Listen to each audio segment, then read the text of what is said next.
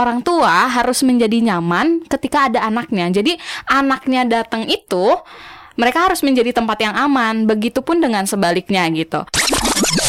Iya, makasih ya, Ma, udah Iya. ngasih makan. oh, gitu ya. Nggak harus kayak gitu juga sih maksudnya. Jangan ngarep orang tua berubah duluan. Iya. Betul banget. Karena kalau misalnya ngarep mereka berubah duluan, nggak kapan selesainya. Seperti keluarganya Fadil Jaidi. Iya. Tapi nggak harus kayak gitu Nggak harus kayak gitu. Nggak harus tiba-tiba eh, ya gitulah istilahnya. Ngajak joget TikTok Iya, nggak harus nggak gitu harus. juga.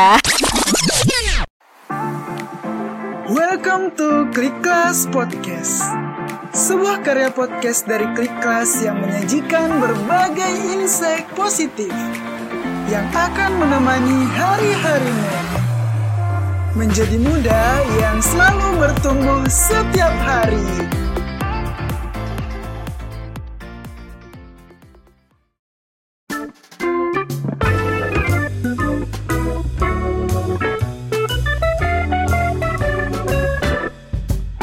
Halo Clickers, Assalamualaikum warahmatullahi wabarakatuh Wah gimana nih kabar lo hari ini?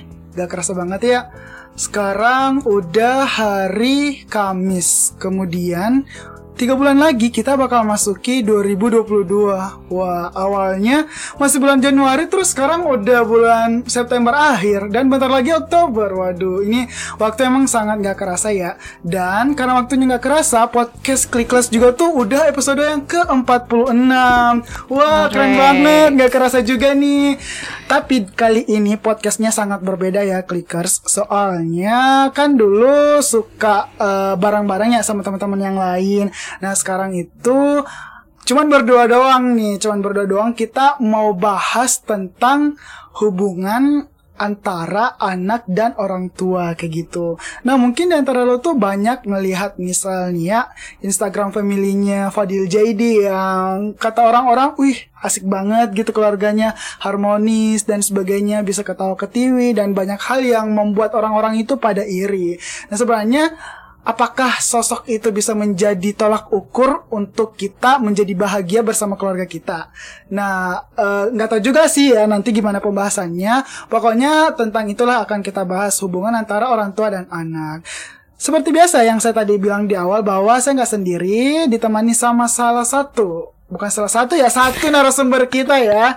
Em, yang akan menemani kita pada podcast kali ini, ya udah langsung aja boleh perkenalan diri ya. Oke, terima kasih. Eh, aku Dinda Jihan. Em, sekarang aku seorang guru, aktivitasnya juga aku juga kuliah. Nah, terus bahasan ini juga relatable banget karena mungkin aku banyak menemui mm, kasus-kasus antara hubungan orang tua dengan anak. Jadi terima kasih banyak ya sudah diundang. Oke, jadi eh panggilnya Jihan ya berarti ya? Ya, betul. Oke. Nah, eh Jihan udah siap? Siap sekali. Oke, siap dong ya. Siap Udah banget. berangkat nyampe di sini jam 12, jam 1 udah siap pastinya. Siap banget. Oke, em, ngobrolin tentang orang tua dan anak, eh, mungkin ini tuh obrolannya umum ya, obrolannya umum. Hampir setiap orang pernah membahas hal ini, tapi bisa jadi banyak bahasan yang kayak merujuk ke iri gitu. Waduh, kayaknya keluarga mereka harmonis deh dibanding keluargaku yang eh, istilahnya kayak hancur gitu. Ada yang ngerasa Hmm, kayak ya gitu. Allah, hancur. Mungkin, Hmm. mungkin.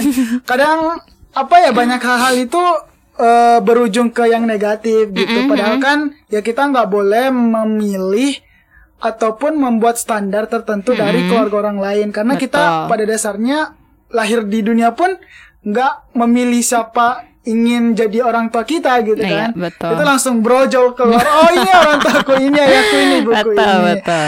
Oke, eh Jihan, apa sih Oke. yang kamu rasakan gitu? Perbedaan ketika kamu masih kecil dan ketika usia kamu yang sekarang, hal-hal apa aja sih yang kamu rasa, wah ternyata kayak gini ya? Oke, mungkin secara umum tuh kita kan pasti eh, ngerasain banget ya, ngerasa kayak oh kecil tuh kita enak loh gitu bisa uh, nangis kapan aja tanpa Iya, betul. harus malu. Sedangkan kalau udah gede kan kita nyari dulu di mana nih WC nih gitu. Kalau tiba-tiba pengen nangis gitu kan kita harus ngumpet dulu gitu.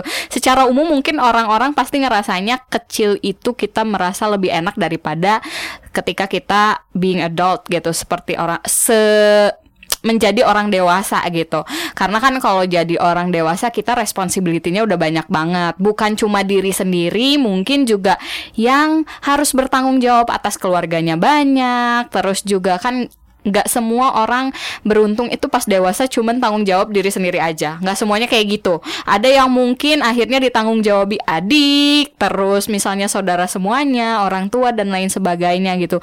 Jadi kan pasti berat sekali gitu. Makanya kalau misalnya dipil disuruh memilih ya pasti dong kita kayak boleh nggak sih kita eh, jadi anak kecil lagi walaupun pasti Ari juga kayak gitu kan kayak waktu anak kecil ih pengen banget jadi orang dewasa gitu. Kita bisa beli apa pun ternyata pas udah gede pas mau beli apa pun Wow, kita harus kerja dulu ya mau dapat uang itu gitu.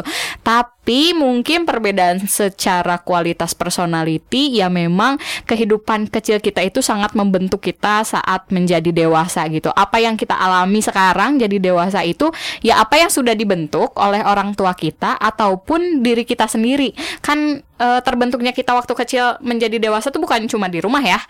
Di lingkungan, terus juga mungkin yang ngaji di tempat ngaji, yang misalnya di sekolah, di kampus dan lain sebagainya kan itu juga membentuk siapa diri kita, tapi tidak full di rumah itu adalah uh, bisa menjadi membentuk kita yang sekarang. Banyak faktornya kayak gitu. Itu sih perbedaannya. Oke, kalau misalnya nih ya, uh, gue tangkap uh, poin pertama itu adalah terkait tanggung jawab, gitu Iya. ya, terkait tanggung jawab. Terus yang kedua, apa yang kita dapatkan sekarang atau apa yang sudah menjadi diri kita sekarang itu refleksi dari kita saat kecil kayak Betul. gitu. Nah, eh, ya sih, eh, kalau gue sih setuju banget sih emang karena ya mau mau gimana pun juga kita yang sekarang ini adalah kita yang dulu, nggak sih? Jadi kayak mulai dari lingkungan keluarga, Betul. lingkungan pertemanan, eh, sekolah dan sebagainya itu yang membentuk diri kita. Dan pastinya juga semakin bertambah usia, tanggung jawab juga semakin berat Wow, sih? Semakin iya, berat kan. Kita biasa. belum menjadi orang tua tapi udah ngerasa kayak wah kayak gini gitu ya. Gimana nanti kalau udah jadi orang tua kayak Betul. gitu. Nah, ketika kita ngobrolin nih tentang orang tua ya, mungkin banyak aspek lah yang bisa kita bahas gitu. Kalau kita lihat nih dari sudut pandang kita sebagai seorang anak, mungkin tuh kita akan merasa kayak, waduh enak ya eh, orang tua misal Fadil JD kayak gitu kan, orang-orang banyak yang ngambil contoh dari mereka gitu. Namun gak sebagian juga orang tuh kayak merasa eh, karena terlalu melihat sesuatu yang dirasa sempurna jadinya kayak Waduh kayaknya keluarga aku nggak bisa kayak gini deh. oke. Nah, salah satu faktor yang membuat hal itu kalau menurutku ya itu karena kurangnya komunikasi gitu, kurangnya Betul. komunikasi dengan eh, orang tua. Nah, menurut Betul. Jihan sih gimana sih caranya biar kita tuh kayak bisa lebih terbuka, bisa lebih rileks ngomong ke orang tua, ke ayah, ke ibu dibandingkan dengan eh yang sekarang karena kadang tuh kita lebih enak ngobrolnya bersama eh, teman-teman kita lebih lepas dibandingkan dengan orang tua kita sendiri. Nah, kalau menurut Jihan kayak gimana sih eh, caranya biar enak gitu ngobrol bersama orang tua ayah dan ibu kayak gitu? Oke, dulu tuh aku pernah eh, nemuin mempelajari dari eh, psikolog juga. Aduh, aku lupa namanya. Nanti nanti eh nanti ini nggak bisa ya? bisa ada nggak ada di layar Eh, nggak bisa ya? soalnya ini audio doang. Mohon maaf ya. Ini bukan video. Oke, namanya Dipika kalau nggak salah di Instagram itu dia pernah eh, ngebahas tentang EPS person, psychology safety person yang di mana tiap orang itu seharusnya menjadi orang yang aman buat lingkungannya. Nah ini bisa di eh, diterapkan kepada orang tua dan anak. Orang tua harus menjadi nyaman ketika ada anaknya. Jadi anaknya datang itu mereka harus menjadi tempat yang aman. Begitupun dengan sebaliknya gitu. Si orang tua ketika menghampiri anak pun harus jadi orang yang aman. Nah, ada tiga fundamental dari menjadi psychology safety person ini gitu. Yang pertama, to be seen, ingin dilihat terus to be heard didengar dan to be valued gitu. Jadi dinilai secara manusia secara utuh gitu. Kan tiap orang tuh pasti dong ingin didengar. Ari ngomong nggak mungkin kan nggak pengen didengar gitu mas. Terus juga kalau misalnya hadir datang ke kantor nggak mungkin kan kayak jadi hantu gitu kayak orang tuh nggak ngelihat Ari padahal ada. Pasti ingin dinotis dong gitu.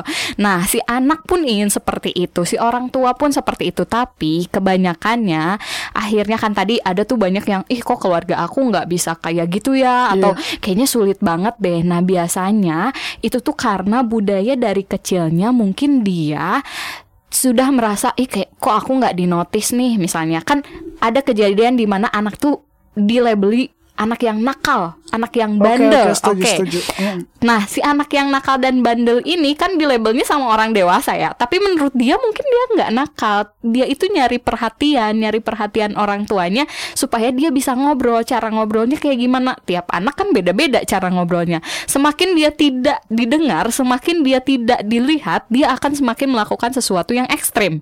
Yang which is itu tuh orang-orang dewasa bilangnya bandel dan nakal padahal dia ingin komunikasi. Nah, kalau misalnya ingin berkomunikasi yang baik gimana? Ya orang tua harus mau menjadi orang yang mendengar dan mem memerhatikan si anak. Begitupun dengan sebaliknya. Kadang nih kita tuh sulitnya pas semakin dewasa kan orang-orang yang ngomen di video itu mungkin dia udah beranjak dewasa atau beranjak remaja gitu ngerasa kok aku nggak gini keluarga aku nggak kayak gini dia juga mau mulainya mungkin susah gitu karena mungkin di keluarganya contoh misal hmm, ada yang sulit berterima kasih dan meminta maaf ke orang tuanya. Oke. Okay. Misalnya gengsi nih hmm. atau mau bilang sayang. Bisa jadi yang sering aku temukan di sekolah, kenapa anak-anak bisa seperti itu gitu ya. Pertama itu mungkin uh, di rumahnya jarang sekali ada yang bilang minta maaf. Atau Ari nih misalnya Ari tuh ngelakuin salah sama orang tua gitu. Terus orang tua tuh marah marah banget. Nah tapi cara dia untuk cara orang tua Ari itu untuk menjadikan kondisi itu biasa aja ya udah diam aja. Atau misalnya tiba-tiba Ri beliin masako dong misalnya kayak gitu. Ari kan akan merasa kayak oh udah beres nih marahnya. Yeah. tapi Ari nggak nggak belajar minta maaf dari situ jadi karena saking jarangnya mendengar kata maaf sehingga jadi gengsi ke orang tua juga. Nah, jangankan mau minta maaf jadinya hal-hal kecil kayak mau bercanda yang tadi uh, standarnya adalah Fadil Jaidi jangankan mau kayak gitu gitu. Hal-hal kecil yang bilang tolong, maaf dan makasih aja sulit karena tidak pernah diciptakan di rumahnya. Itu yang tersering banget terjadi di keluarga gitu. Jadi kalau misalnya bilang kenapa bisa kayak gitu, coba lihat di tiga tiga bare minimum itu deh. Hmm. Itu kan sebetulnya bare minimum banget ya. Kita bisa banget minta maaf, tolong dan makasih di luar rumah. Tapi di dalam rumah, wah kayaknya berat banget untuk minta maaf ke orang tua. Tapi bisa dilihat lagi. Ini mungkin kalau pendengarnya ada yang udah jadi mamah muda atau yeah, misal yeah. orang tor orang tua muda, kita tuh pentingnya menanamkan bare minimum itu supaya terjadinya komunikasi yang baik. Nah, terus gimana kalau misalnya udah udah terlanjur gede nih gitu yeah, yeah, iya. caranya yeah. gitu. Nah kita sebagai anak kita juga nggak bisa kan nyalahin orang tua sepenuhnya. Orang tua kita yang sekarang kan uh, dulunya jauh dari yang namanya internet, jauh informasi. dari yang informasi itu jauh banget gitu. Kita bisa baca parenting tuh di mana aja kan ya Ria ya, gitu. Betul, betul, betul. Kita bisa belajar yang uh, kita belum nikah pun kita kayaknya merasa wah udah belajar banyak nih tentang parenting orang tua kita mana bisa gitu dulu kan jauh banget dari informasi. Nah kita nih yang udah sadar yang udah gedenya untuk menjadi tadi tuh psychology safety person tadi ya harus dari kita duluan gitu. Misal kayak kita tuh nggak pernah basa-basi sama orang tua gitu. Jadi mau basa-basi tuh kayak awkward banget. Kikuk, Kikuk gitu, gitu kayak uh, karena mungkin kita dulu ketika mau basa-basi ke orang tua misalnya eh pal lihat ini deh terus ekspresi orang tua kita cuman kayak hmm kayak gitu. Nah sekarang kebalik nih kita balik. Ketika orang tua kita mau basa-basi ke kita, kita juga jangan sama kayak hmm kayak gitu juga gitu. Kalau misalnya orang tua udah mulai basa-basi berarti dia uh, udah mau mulai nih komunikasi sama kita. Nah kita harus gercep dengan keadaan kayak gitu. Kita langsung tangkep tuh keadaan itu dengan oh iya ya walaupun kita nggak tahu tapi Hmm, pura-pura oke. tertarik aja dulu sampai akhirnya baru terbentuk hubungan-hubungan yang eh, komunikasi yang baik gitu. Oke oke menarik banget nih. Aku eh, kepikiran beberapa beberapa poin nih. Tadi yang pertama kan eh, Jihan bilang ya eh, kalau kadang tuh anak kecil banyak yang bandel. Sebenarnya bukan mereka bandel sih. Mereka tuh pengen dinotis. Mereka tuh Betul. pengen dikasih perhatian. Tapi mereka bingung gitu. Gimana caranya biar bisa menarik perhatian dari orang tua gitu. Mungkin dengan cara berulah atau berbuat sesuatu yang mungkin bisa mengundang marah ataupun orang tuanya langsung ngomong itu menjadi salah satu alasan kayak gitu. Ya sih eh, kebayang banget ya. Jadi ini tuh kayak relate ya mungkin banyak sih dilakukan sama anak laki-laki dibanding anak perempuan Betul. gitu ya. Kadang tuh kayak kita tuh kayak ya pas kecil nggak kepikiran yang bi- yang Jihan tadi sampaikan, tapi pas eh kembali lagi ya eh, mikir terus ingat sama yang Jihan sampaikan kerasa oh ya ya bener ya dulu tuh mungkin karena aku sendiri jarang diperhatikan kayak gitu ya. jadinya kadang membuat sesuatu tuh yang bikin orang tua kesel dulu gitu baru mau ngomong. Iya iya. Dan mungkin juga nih yang denger gitu ya. teman-teman yang mungkin eh, sedang dengerin podcast ini ada yang ngerasa juga oh iya iya. Dulu tuh aku sering banget nih eh, berbuat nakal ke orang tua dan sebagainya. itu tuh sebenarnya biar aku dinotis kayak gitu. Dan juga eh, bisa jadi nih ada orang tua juga yang dengar kalau misal eh, anaknya seperti itu ya coba eh, dipikirkan lagi bisa jadi kita yang kurang memberikan perhatian ke mereka gitu ya oke itu poin pertamanya Oke. Oke, kalau kita eh, melihat lagi nih kan tadi eh, Jian sempat sampaikan bahwa kurangnya komunikasi istilahnya kayak dengan mengucapkan kata maaf, tolong, terima kasih. Dan itu tuh kita mudah mengucapkan ke orang lain, Betul. tapi kita susah mengucapkan ke keluarga kita sendiri Gengsi karena ya. Ah, ah, bener, gengsinya luar biasa banget kayak gitu. Jadi kadang tuh gengsi ke keluarga itu udah melebihi apa pun lah istilahnya kayak gitu. Betul. Takut runtuh gitu Iya, betul. bawahnya gitu kan padahal itu keluarga sendiri gak sih? Betul, betul. Nah, em, iya ya ini ini real banget ya, Banget. real banget, jarang banget sih ngomong kayak maaf, terima kasih, karena mungkin dari dulu tuh kayak udah biasa aja gitu Iya. kayak dikasih sesuatu, oke. Ah, iya gitu. Misal kayak mungkin baiknya kayak gini ya kalau diajakin eh, makan gitu. Misal Jihan makan dulu gitu kan. Iya makasih ya Ma udah Iya. ngasih makan gitu. oh gitu ya. Nggak harus kayak gitu juga sih maksudnya. Kalau makasih Ma udah ngasih makan kayak gimana ya? Kayak Kayak emang kewajiban gue Iya. ngasih makan kata orang Ntar, tuanya. ntar, ntar jam Ya kan lu anak gue gitu Masa udah biarin kelaparan Iya, Ya mungkin cukup makasih aja deh Iya. nggak usah ada udah ngasih makan. Cukup makasih gitu aja ya. Oke oke oke. Sama kalau misalnya eh, Mau minta tolong Ma Minta tolong dong. Eh, Saya lupa nih simpan eh, Charger HP di mana ya Kayak gitu ya.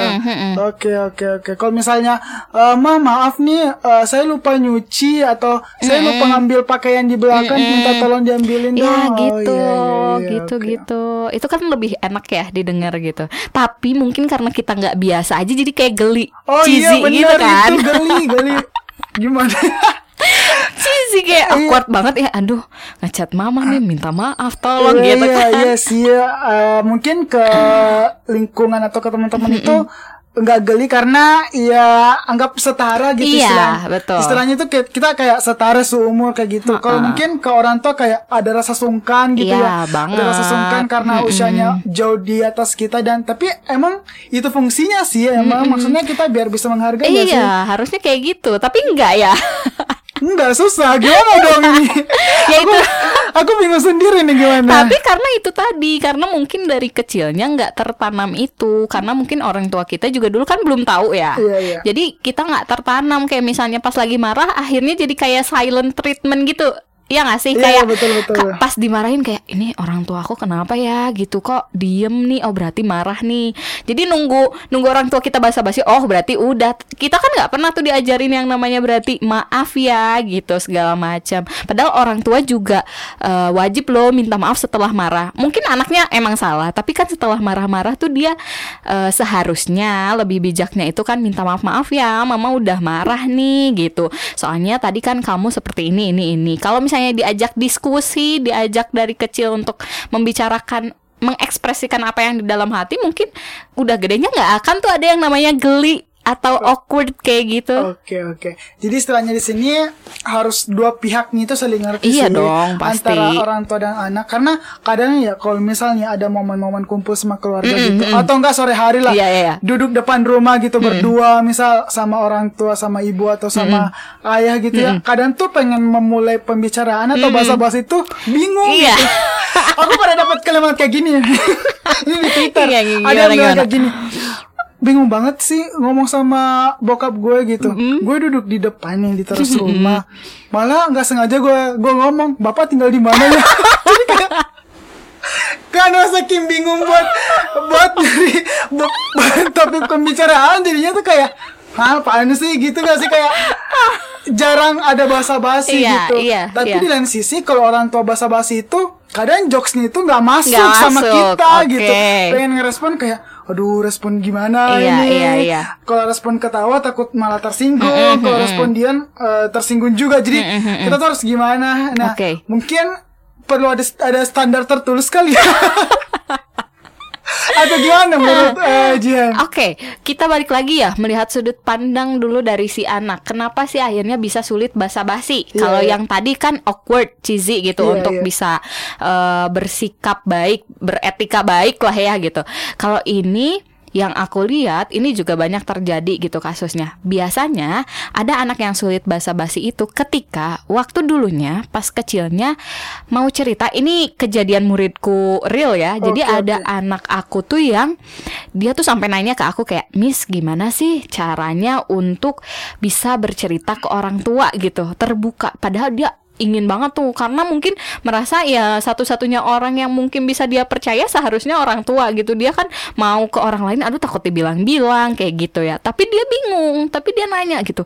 Terus aku tanya lagi emang kenapa? Emang biasanya kayak gimana? Nah biasanya ketika si anak itu cerita orang tua tuh belum ngedenger dulu secara penuh ceritanya. Tapi udah ada judgement. Kenapa kenapa kamu kayak gitu? Iya dong salah kamu. Lagian kenapa kayak gitu atau misalnya yang paling anak-anak aku cerita takut itu adalah ketika dia misalnya beranjak remaja. Terus biasa dong namanya remaja tuh Iya, ada iya, perasaan-perasaan suka nih Iya, sama iya. lawan jenis. Cinta monyet iya lah. cinta monyet. Tapi Oke. kan mau secinta monyet apa pun itu dia butuh ada temen buat cerita nih ih dia ganteng banget seharusnya kan kayak gitu. Tapi dia takut mau cerita ke orang tuanya karena nanti takut disangkanya aduh kamu anak kecil udah suka-sukaan Iya, ini iya, itu. Dan iya, itu pernah terjadi sehingga si anak itu tuh mau mulai lagi takut buat ceritanya. Akhirnya dia memutuskan untuk tidak pernah bercerita ke orang tua yang akhirnya terbentuknya tadi kayak tadi yang nanya bapak tinggal di mana? gitu. Iya karena dia nggak pernah tahu mau basa basinya kayak gimana kayak Oke. gitu. Biasanya kalau misalnya anak-anak di usia anak-anak memang yang harus lebih terlebih dahulu peka itu orang tua kecuali misalnya kita udah besar nih ya mau nggak mau nih kita harus bisa mendobrak si ego kita untuk bisa basa-basi ke orang tua kayak gitu mau nggak mau itu mah harus dipaksain kalau misalnya udah gede mau gimana lagi demi terciptanya lingkungan keluarga yang baik Oke oke. Nah, eh eh, dapat lagi nih ya Oke. eh, poin intinya gitu. Karena sebagian besar audiens klik kelas itu mungkin seumuran sama kita gitu ya, anak-anak usia eh, 20-an lah, belum sampai 30 gitu.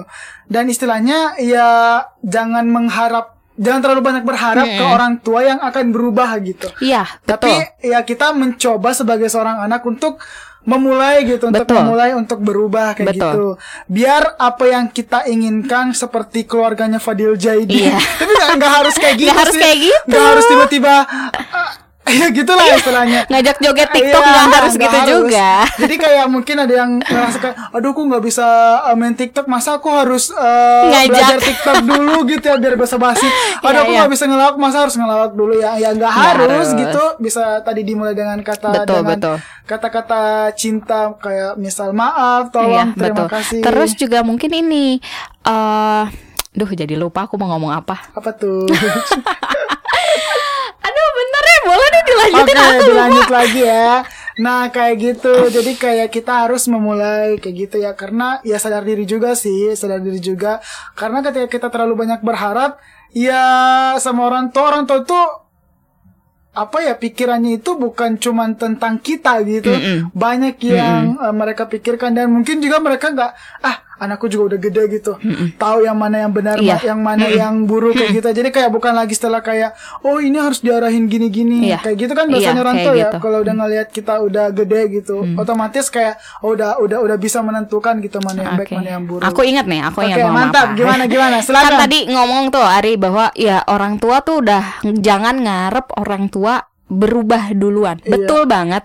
Karena kalau misalnya ngarep mereka berubah duluan, enggak kapan selesainya. Oke. Orang tua juga, nah kita nih sebagai anak nih ya yang udah di umur 20-an ini nih ya, eh, harus sadar bahwa orang tua juga punya ego ada ego orang tua yang mungkin juga nggak bisa kita dobrak nih kayak gimana egonya kayak misalnya si orang tua tuh kan selalu ada ego ih kan gue orang tua gue selalu benar misalnya kayak Oke, gitu. betul, betul. ada kayak gitu. Atau misalnya gue orang tua gue malu nih kalau misalnya menyatakan eh, salah di depan anak gue dan lain sebagainya kayak gitu. Kalau kita mungkin nanti ke generasi selanjutnya mungkin memang nggak boleh seperti itu. Tapi kita kan ke yang atas nih kita nggak bisa ngarep kayak gitu. Jadi maklumi saja.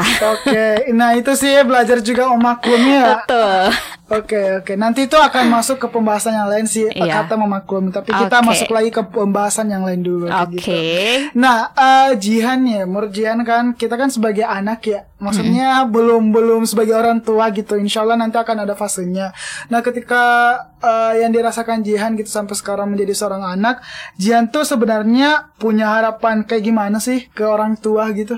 Kalau dari Jihan? harapan kayak gimana nih Misal eh, harusnya tuh orang tua aku tuh bisa kayak gini, bisa kayak gitu. Harusnya tuh orang tua aku jangan gini deh, biar aku nyaman kayak gitu. Oke, em, aku sih udah tidak banyak berharap ya, karena ya tadi ya kayak tadi gitu ya sudah gitu kita maklumi aja gitu. Jadi em, aku ke orang tua aku sekarang pun ya aku duluan apa apa tuh harus aku duluan gitu karena aku nggak bis nggak mau pertama nggak mau ngebebanin mereka dengan nilai-nilai yang mungkin nilai-nilai baru yang baru aku temukan gitu. Aku kan nggak bisa kayak mah tahu nggak sih harusnya orang tua tuh kayak gini gini gini gini. Wah udah jauh banget. Harusnya dari zaman mungkin aku SD tuh aku harusnya bisa tuh berani ngomong kayak gitu gitu. Tapi kan ini udah jauh banget sehingga aku sekarang ke orang tua aku cukup eh orang tua aku bisa menghargai privacy aku itu sudah lebih dari cukup gitu. Apalagi usia aku sekarang yang mungkin pasti kan butuh banget privacy dari ruangan dari sisi emosional gitu. Paling itu aja. Dan alhamdulillah orang tua aku juga eh mereka tuh sebetulnya nih semua orang tua mungkin ya mereka tuh sebetulnya tahu mereka tuh oh aku tuh seharusnya dulu tuh nggak kayak gini. Aku tuh ya ya aku tuh salah. Tapi cara mereka tuh beda gitu. Cara mereka dengan cara anak zaman sekarang tuh kan pengennya kalau misalnya salah tuh kita ngomong ngaku Iya, iya, salah. iya. tapi kan orang yang tua yang dulu punya cara berbeda. Mungkin dengan sikapnya yang berbeda gitu. Ketika aku berharap ke orang tua aku tuh menghargai privasi aku dan menghargai segala keputusan hidup aku saat ini gitu. Alhamdulillah mereka eh mereka fine fine aja gitu. Jadi aku sih saat ini alhamdulillah ada di keluarga yang sangat suportif kayak gitu. Jadi buat teman-teman juga yang lainnya gitu yang udah di usia kita ini itu sih nggak ada yang lain. Kita bisa memaklumi terus kita meminta aja gitu untuk bisa menghargai segala keputusan masing-masing gitu Oke, eh, ada dua sih. Kalau aku tangkap ya, pertama memberikan ruang privasi gitu. Betul. Terus yang ketiga, eh, yang kedua menghargai eh, keputusan-keputusan yang udah kita eh, buat. Karena mungkin juga ya ada yang merasa kayak, waduh kenapa sih semua jalan hidupku itu harus semua orang tua yang Ada, tentuin ada gitu. banget. Padahal kan aku udah dewasa. Ini aku relate sama film apa sih? apa Itu loh film yang rilis Januari 2021. apa tuh? Apa? Yang itu pemainnya loh. pemainnya? eh yang apa sih itu loh? Yang Apa? kapal yang pesawat kertas dilempar. Pesawat kertas Aduh, dilempar ya apa aku- dong? Aku lupa juga apa lupa. judulnya. Marcella Marcella FP penulisnya. Aduh.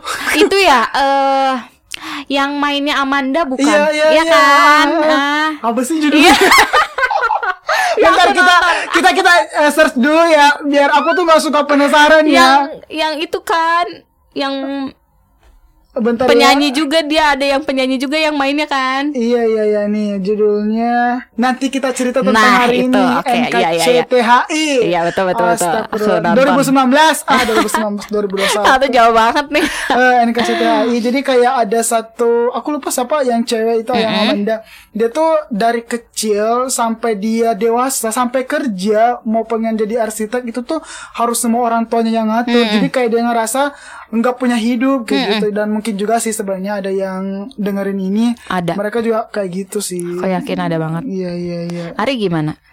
Kalau dari aku sih ya ya kayak gitu. Setiap keputusanku memang aku yang nentuin sih. Oh, oke.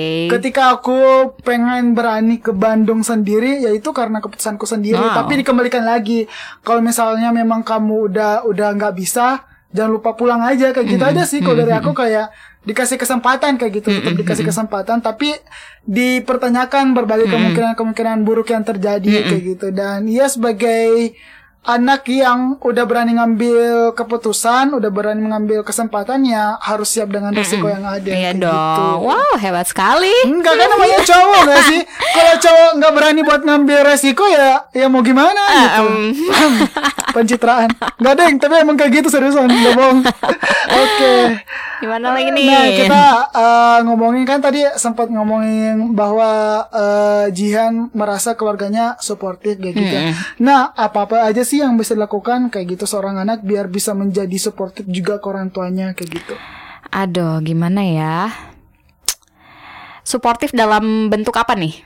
Suportif dalam istilahnya kayak eh kebayang gak sih kayak orang tua tuh pengennya kayak gini. Tapi kita misal orang tua pengennya A tapi kita pengennya B. Nah gimana sih cara menggabungkan ini biar keduanya tuh saling support gitu? Maksudnya nggak ada yang harus terlukai nggak ada yang harus kayak ngerasa eh ah mentang-mentang udah gede gitu udah nggak mau dengerin aku misal kayak gitu. Atau enggak Oke. ma please lah gitu aku udah gedean jangan nentuin semua eh apa yang ku inginkan dari dari keputusan orang tua kayak gitu. Oke, suportif tuh dalam arti berarti suportif dalam bentuk keinginan mereka ya. Iya, iya, Oke. kayak gitu. Oke, kalau misalnya seperti itu, eh, yang biasa aku lakukan, nggak semua hal yang aku putuskan juga eh, langsung dapat support ya. Oke, Pasti betul. ada, sih. wow lika-likunya gitu, kayak nggak mau nih mama harusnya maunya kayak gini, nggak bisa. Anak cewek tuh harusnya kayak gini, Iya, misalnya betul, betul, kan betul. selalu ada ini ya standar sosial iya, biasanya kan. Anak cowok harusnya kayak gini, anak cewek harusnya kayak gini, mama Betul, tuh kayak betul. gini dan lain sebagainya. Nah, biasanya cara cara aku supaya tidak menjadi eh, problem yang panjang itu dengan mengkomunikasikannya kita secara detail gitu. Apa yang mau di eh, mau orang tua, apa yang mau dalam diri kita tuh bener-bener dibicarain. Kenapa sih eh, mama sama papa pengennya aku seperti ini? Coba dong dijelaskan. Itu bener-bener aku nanya gitu. Aku nanya terus ternyata orang tua tuh misalnya cuman pingin, misal kayak gini ya. eh aku itu, aku ada keputusan waktu itu menjadi sebuah problem itu aku ada keputusan, mah pokoknya kalau kapan pun itu aku nikah, aku tidak mau ada resepsi karena e, memang bukan bukan anak yang tipikal bisa ngelihat banyak orang. Tapi sedangkan orang tua kan beda ya sudut pandangnya. Aku mungkin sudut pandangnya bisa cuek-cuek aja, tapi orang tua kan nggak bisa sudut pandang kayak gitu. Orang tua tuh ada sudut pandang keluarga besar nanti Iya, gimana iya, iya. nganggepnya, tetangga gimana nganggepnya, sampai akhirnya kita duduk bareng, padahal nikahnya masih jauh. Iya iya iya. Siap. Siap. Tapi kita benar-benar duduk bareng supaya ini tuh jadi satu perspektif yang sama gitu.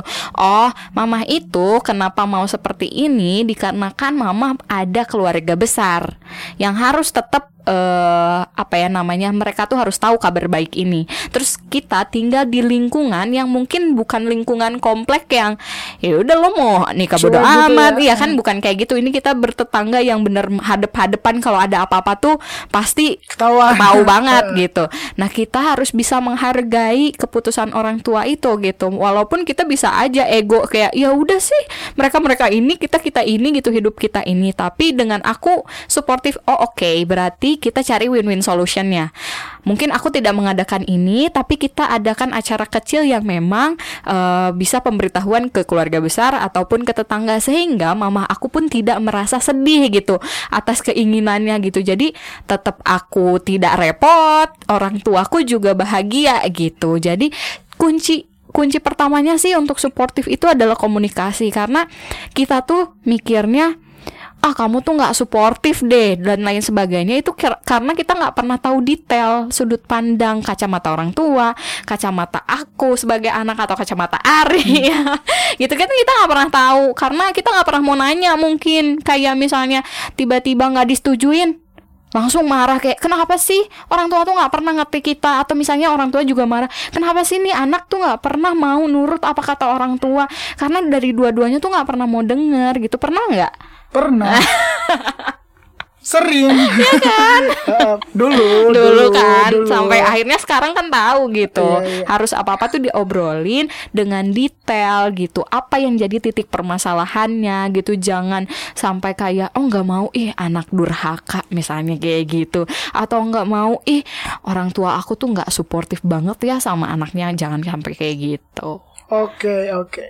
uh, kalau yang aku tangkap itu komunikasi asertif ya istilahnya Betul. ya uh, maksudnya kita langsung to the point -hmm. gitu kenapa seperti ini -hmm. dan itu harus clear benar-benar yeah. ya karena jangan sampai itu banyak komunikasi uh, istilahnya kayak orang tua ngomong A kita ngomong B itu tuh belum lengkap gitu yeah. muncul asumsi-asumsi dari pikiran kita yeah. sendiri padahal asumsi itu tuh nggak selamanya benar hmm. gitu walaupun ada benernya tapi lebih banyak salahnya iya yeah, benar gitu. makanya harus asertif harus uh, benar-benar jelas clear bener -bener jelas ya jangan okay, ada yang ditutup okay. tutupi nah uh, kalau kita lihat nih di zaman now ya, mm -hmm. Jihan ya, mm -hmm. uh, orang-orang tuh udah sangat terpapar dengan yang namanya mental health gitu ya, okay. kesehatan mental dan sebagainya.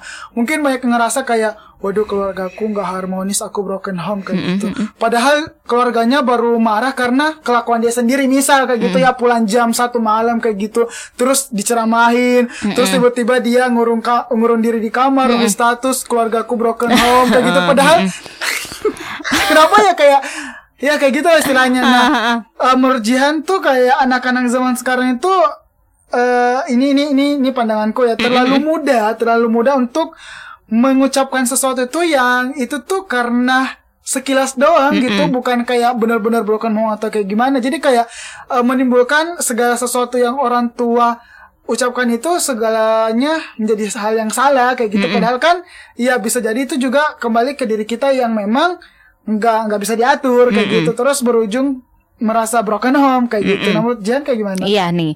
Ini tuh plus minus zaman yeah. sekarang dan zaman dulu ya. Iya, zaman yeah, betul, dulu nggak ada informasi akhirnya salah cara. Sekarang terlalu banyak informasi jadi salah diagnosa ya yeah, gitu. Betul, betul. Jadi si anak-anak ini juga terlalu banyak informasi, overwhelmed dengan informasi-informasi broken home jadi sehingga self diagnosa, oh aku juga kayaknya broken home nih. Hanya karena misalnya satu keinginan dia tidak diwujudkan padahal ada banyak aspek gitu orang tua mempertimbangkan kenapa sih hal tersebut nggak bisa diwujudkan. Nah, anak-anak kayak gini nih buat buat kita nih buat kita gitu kalau misalnya terlalu overwhelm kayak gitu tuh benar-benar kalau menurut menurut kita emang kita udah nggak bisa hmm, handle situasinya bahwa bener-bener kita tuh merasa terpuruk terpuruk banget gitu di rumah bukan menjadi tempat yang aman dan nyaman kan lebih baik kita ke psikolog ya gitu ya, untuk betul. bisa cek gitu apakah bener nggak sih nih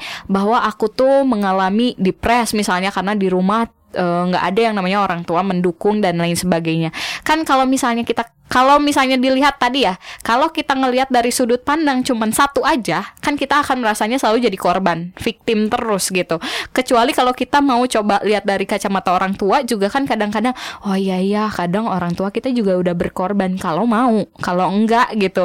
Makanya bener-bener kalau misalnya merasa udah tersudutkan banget lebih baik ke psikolog supaya bener-bener diagnosanya tuh benar gitu bahwa dibukakan gitu. Jadi ada orang lain uh, yang ngasih tahu nih sebenarnya kamu kayak gini mungkin karena kamu seperti ini. Tapi bukan untuk menyalahkan ya tapi untuk membuka satu persatu akar permasalahannya. Karena mau nggak mau kalau misalnya hubungan antara orang tua dengan anak itu pasti nggak semua salah di orang tua nggak semua salah di anak. Meskipun ada ya yang namanya benar-benar pure salah di anak ada juga yang benar-benar pure salah di orang tua. Tapi kalau misalnya mau kita fair-fairan juga banyak banget gitu.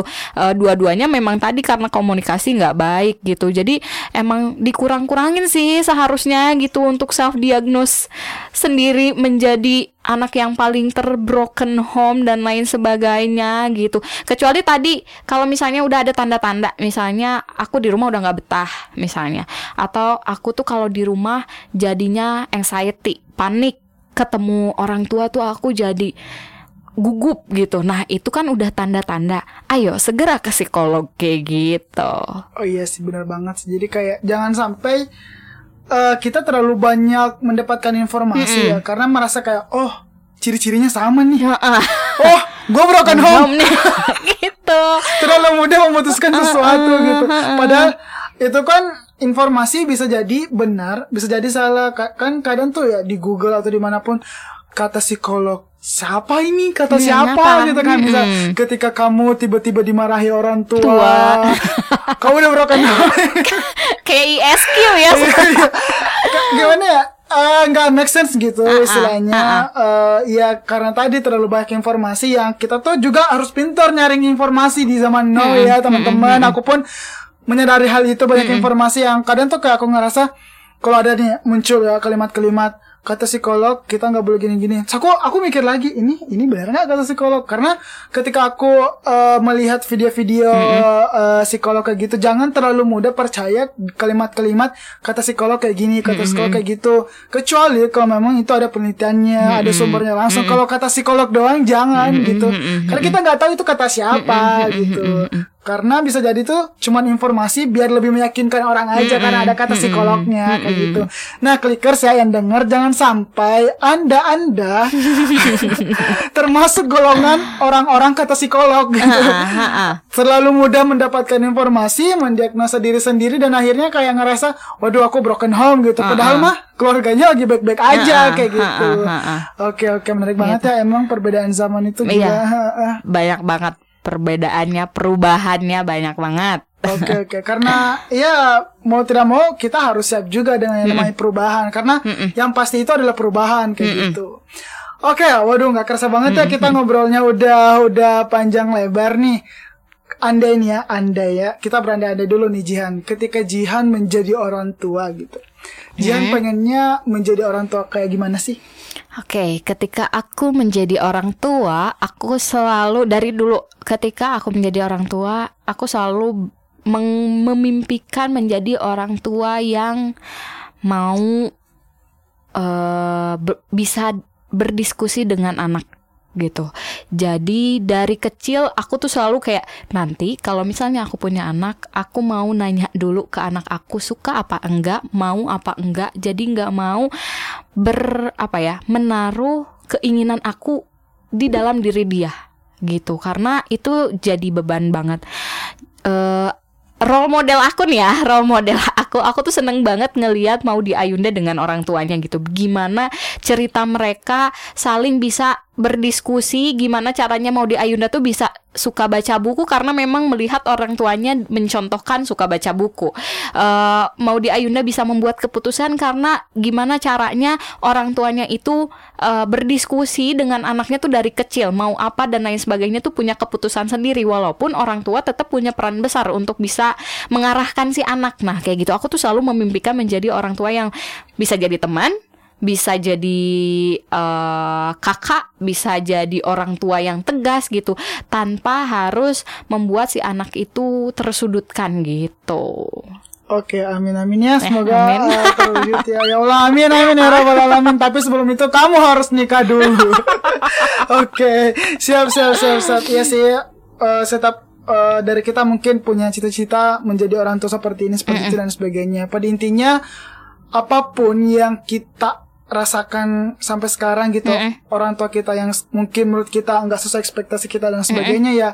ya ya itu kita harus terima kayak gitu mm -hmm. dalam artian kita nggak boleh menyalahkan siapa pun kayak gitu kan karena namanya takdir dan bukan berarti nggak bisa diperbaiki kan ya bukan berarti Bisa nggak bisa banget. tapi bisa banget gitu. Dan dimulainya jangan dari orang tua kayak gitu dari kita diri sendiri. Oke. Betul. nah aku mau dong ada closing statement dari Jihan boleh Ntar ya. Oke siap mikir nih Waduh pemikir banget emang anaknya ya Bukan mikir nggak bisa spontan. Oke saya kasih anda waktu selama 3 detik Oke, buat clickers ya, manggilnya Oh, clickers nih. clickers. Oke, buat clickers di sini yang eh kita satu angkatan yang sama nih ya, untuk bisa menciptakan hubungan orang tua dan anak yang baik. Tadi udah diulas ya bahwa kita harus mau memulai dari diri kita sendiri gitu, apa pun keadaannya, karena eh orang tua kita kalau misalnya kita bilang kita nggak bisa milih mau orang tuanya siapa ya orang tua juga nggak bisa milih. Mungkin maunya juga orang tua kita tuh maunya pengennya anak yang soleh dan lain sebagainya. Eh ternyata brojolnya kita nih gitu yang tukang berulah gitu. Kan nggak bisa dua-duanya nggak bisa milih gitu.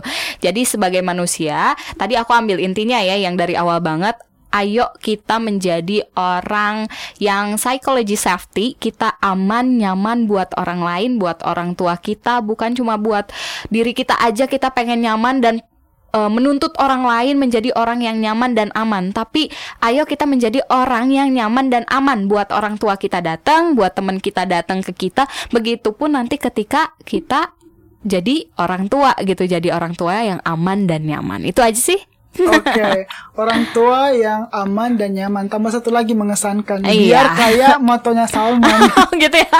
aman, nyaman dan Oh mengesankan. nggak tahu nih ya aku. Oke, gak apa-apa. Biar ini, biar relate gabung kayak gitu. Oke, oke. oke, oke, luar biasa banget ya, eh, clickers. Kita udah banyak ngobrol nih tentang hubungan antara orang tua dan anak. Semoga eh, kita selalu berdoa ya, kita selalu berdoa. Semoga eh, yang masih ada orang tuanya disehatkan, yang orang tuanya udah pergi duluan, semoga dimudahkan eh, urusannya kayak gitu ya. Intinya eh, kita semua harus bisa juga belajar menerima dan kita juga harus eh, melakukan perubahan yang dimulai dari diri kita sendiri kayak gitu. Oke, sekian dulu ya clickers buat podcast yang sangat menarik di episode ke-46 ini. Gue Ari, mohon maaf nih apabila ada salah-salah kata pada saat memulai obrolan podcast ini ya bisa jadi ada yang merasa ah Ari mah lebih mendukung orang tua kayak gini-gini. Enggak loh, enggak enggak. Ini karena konten.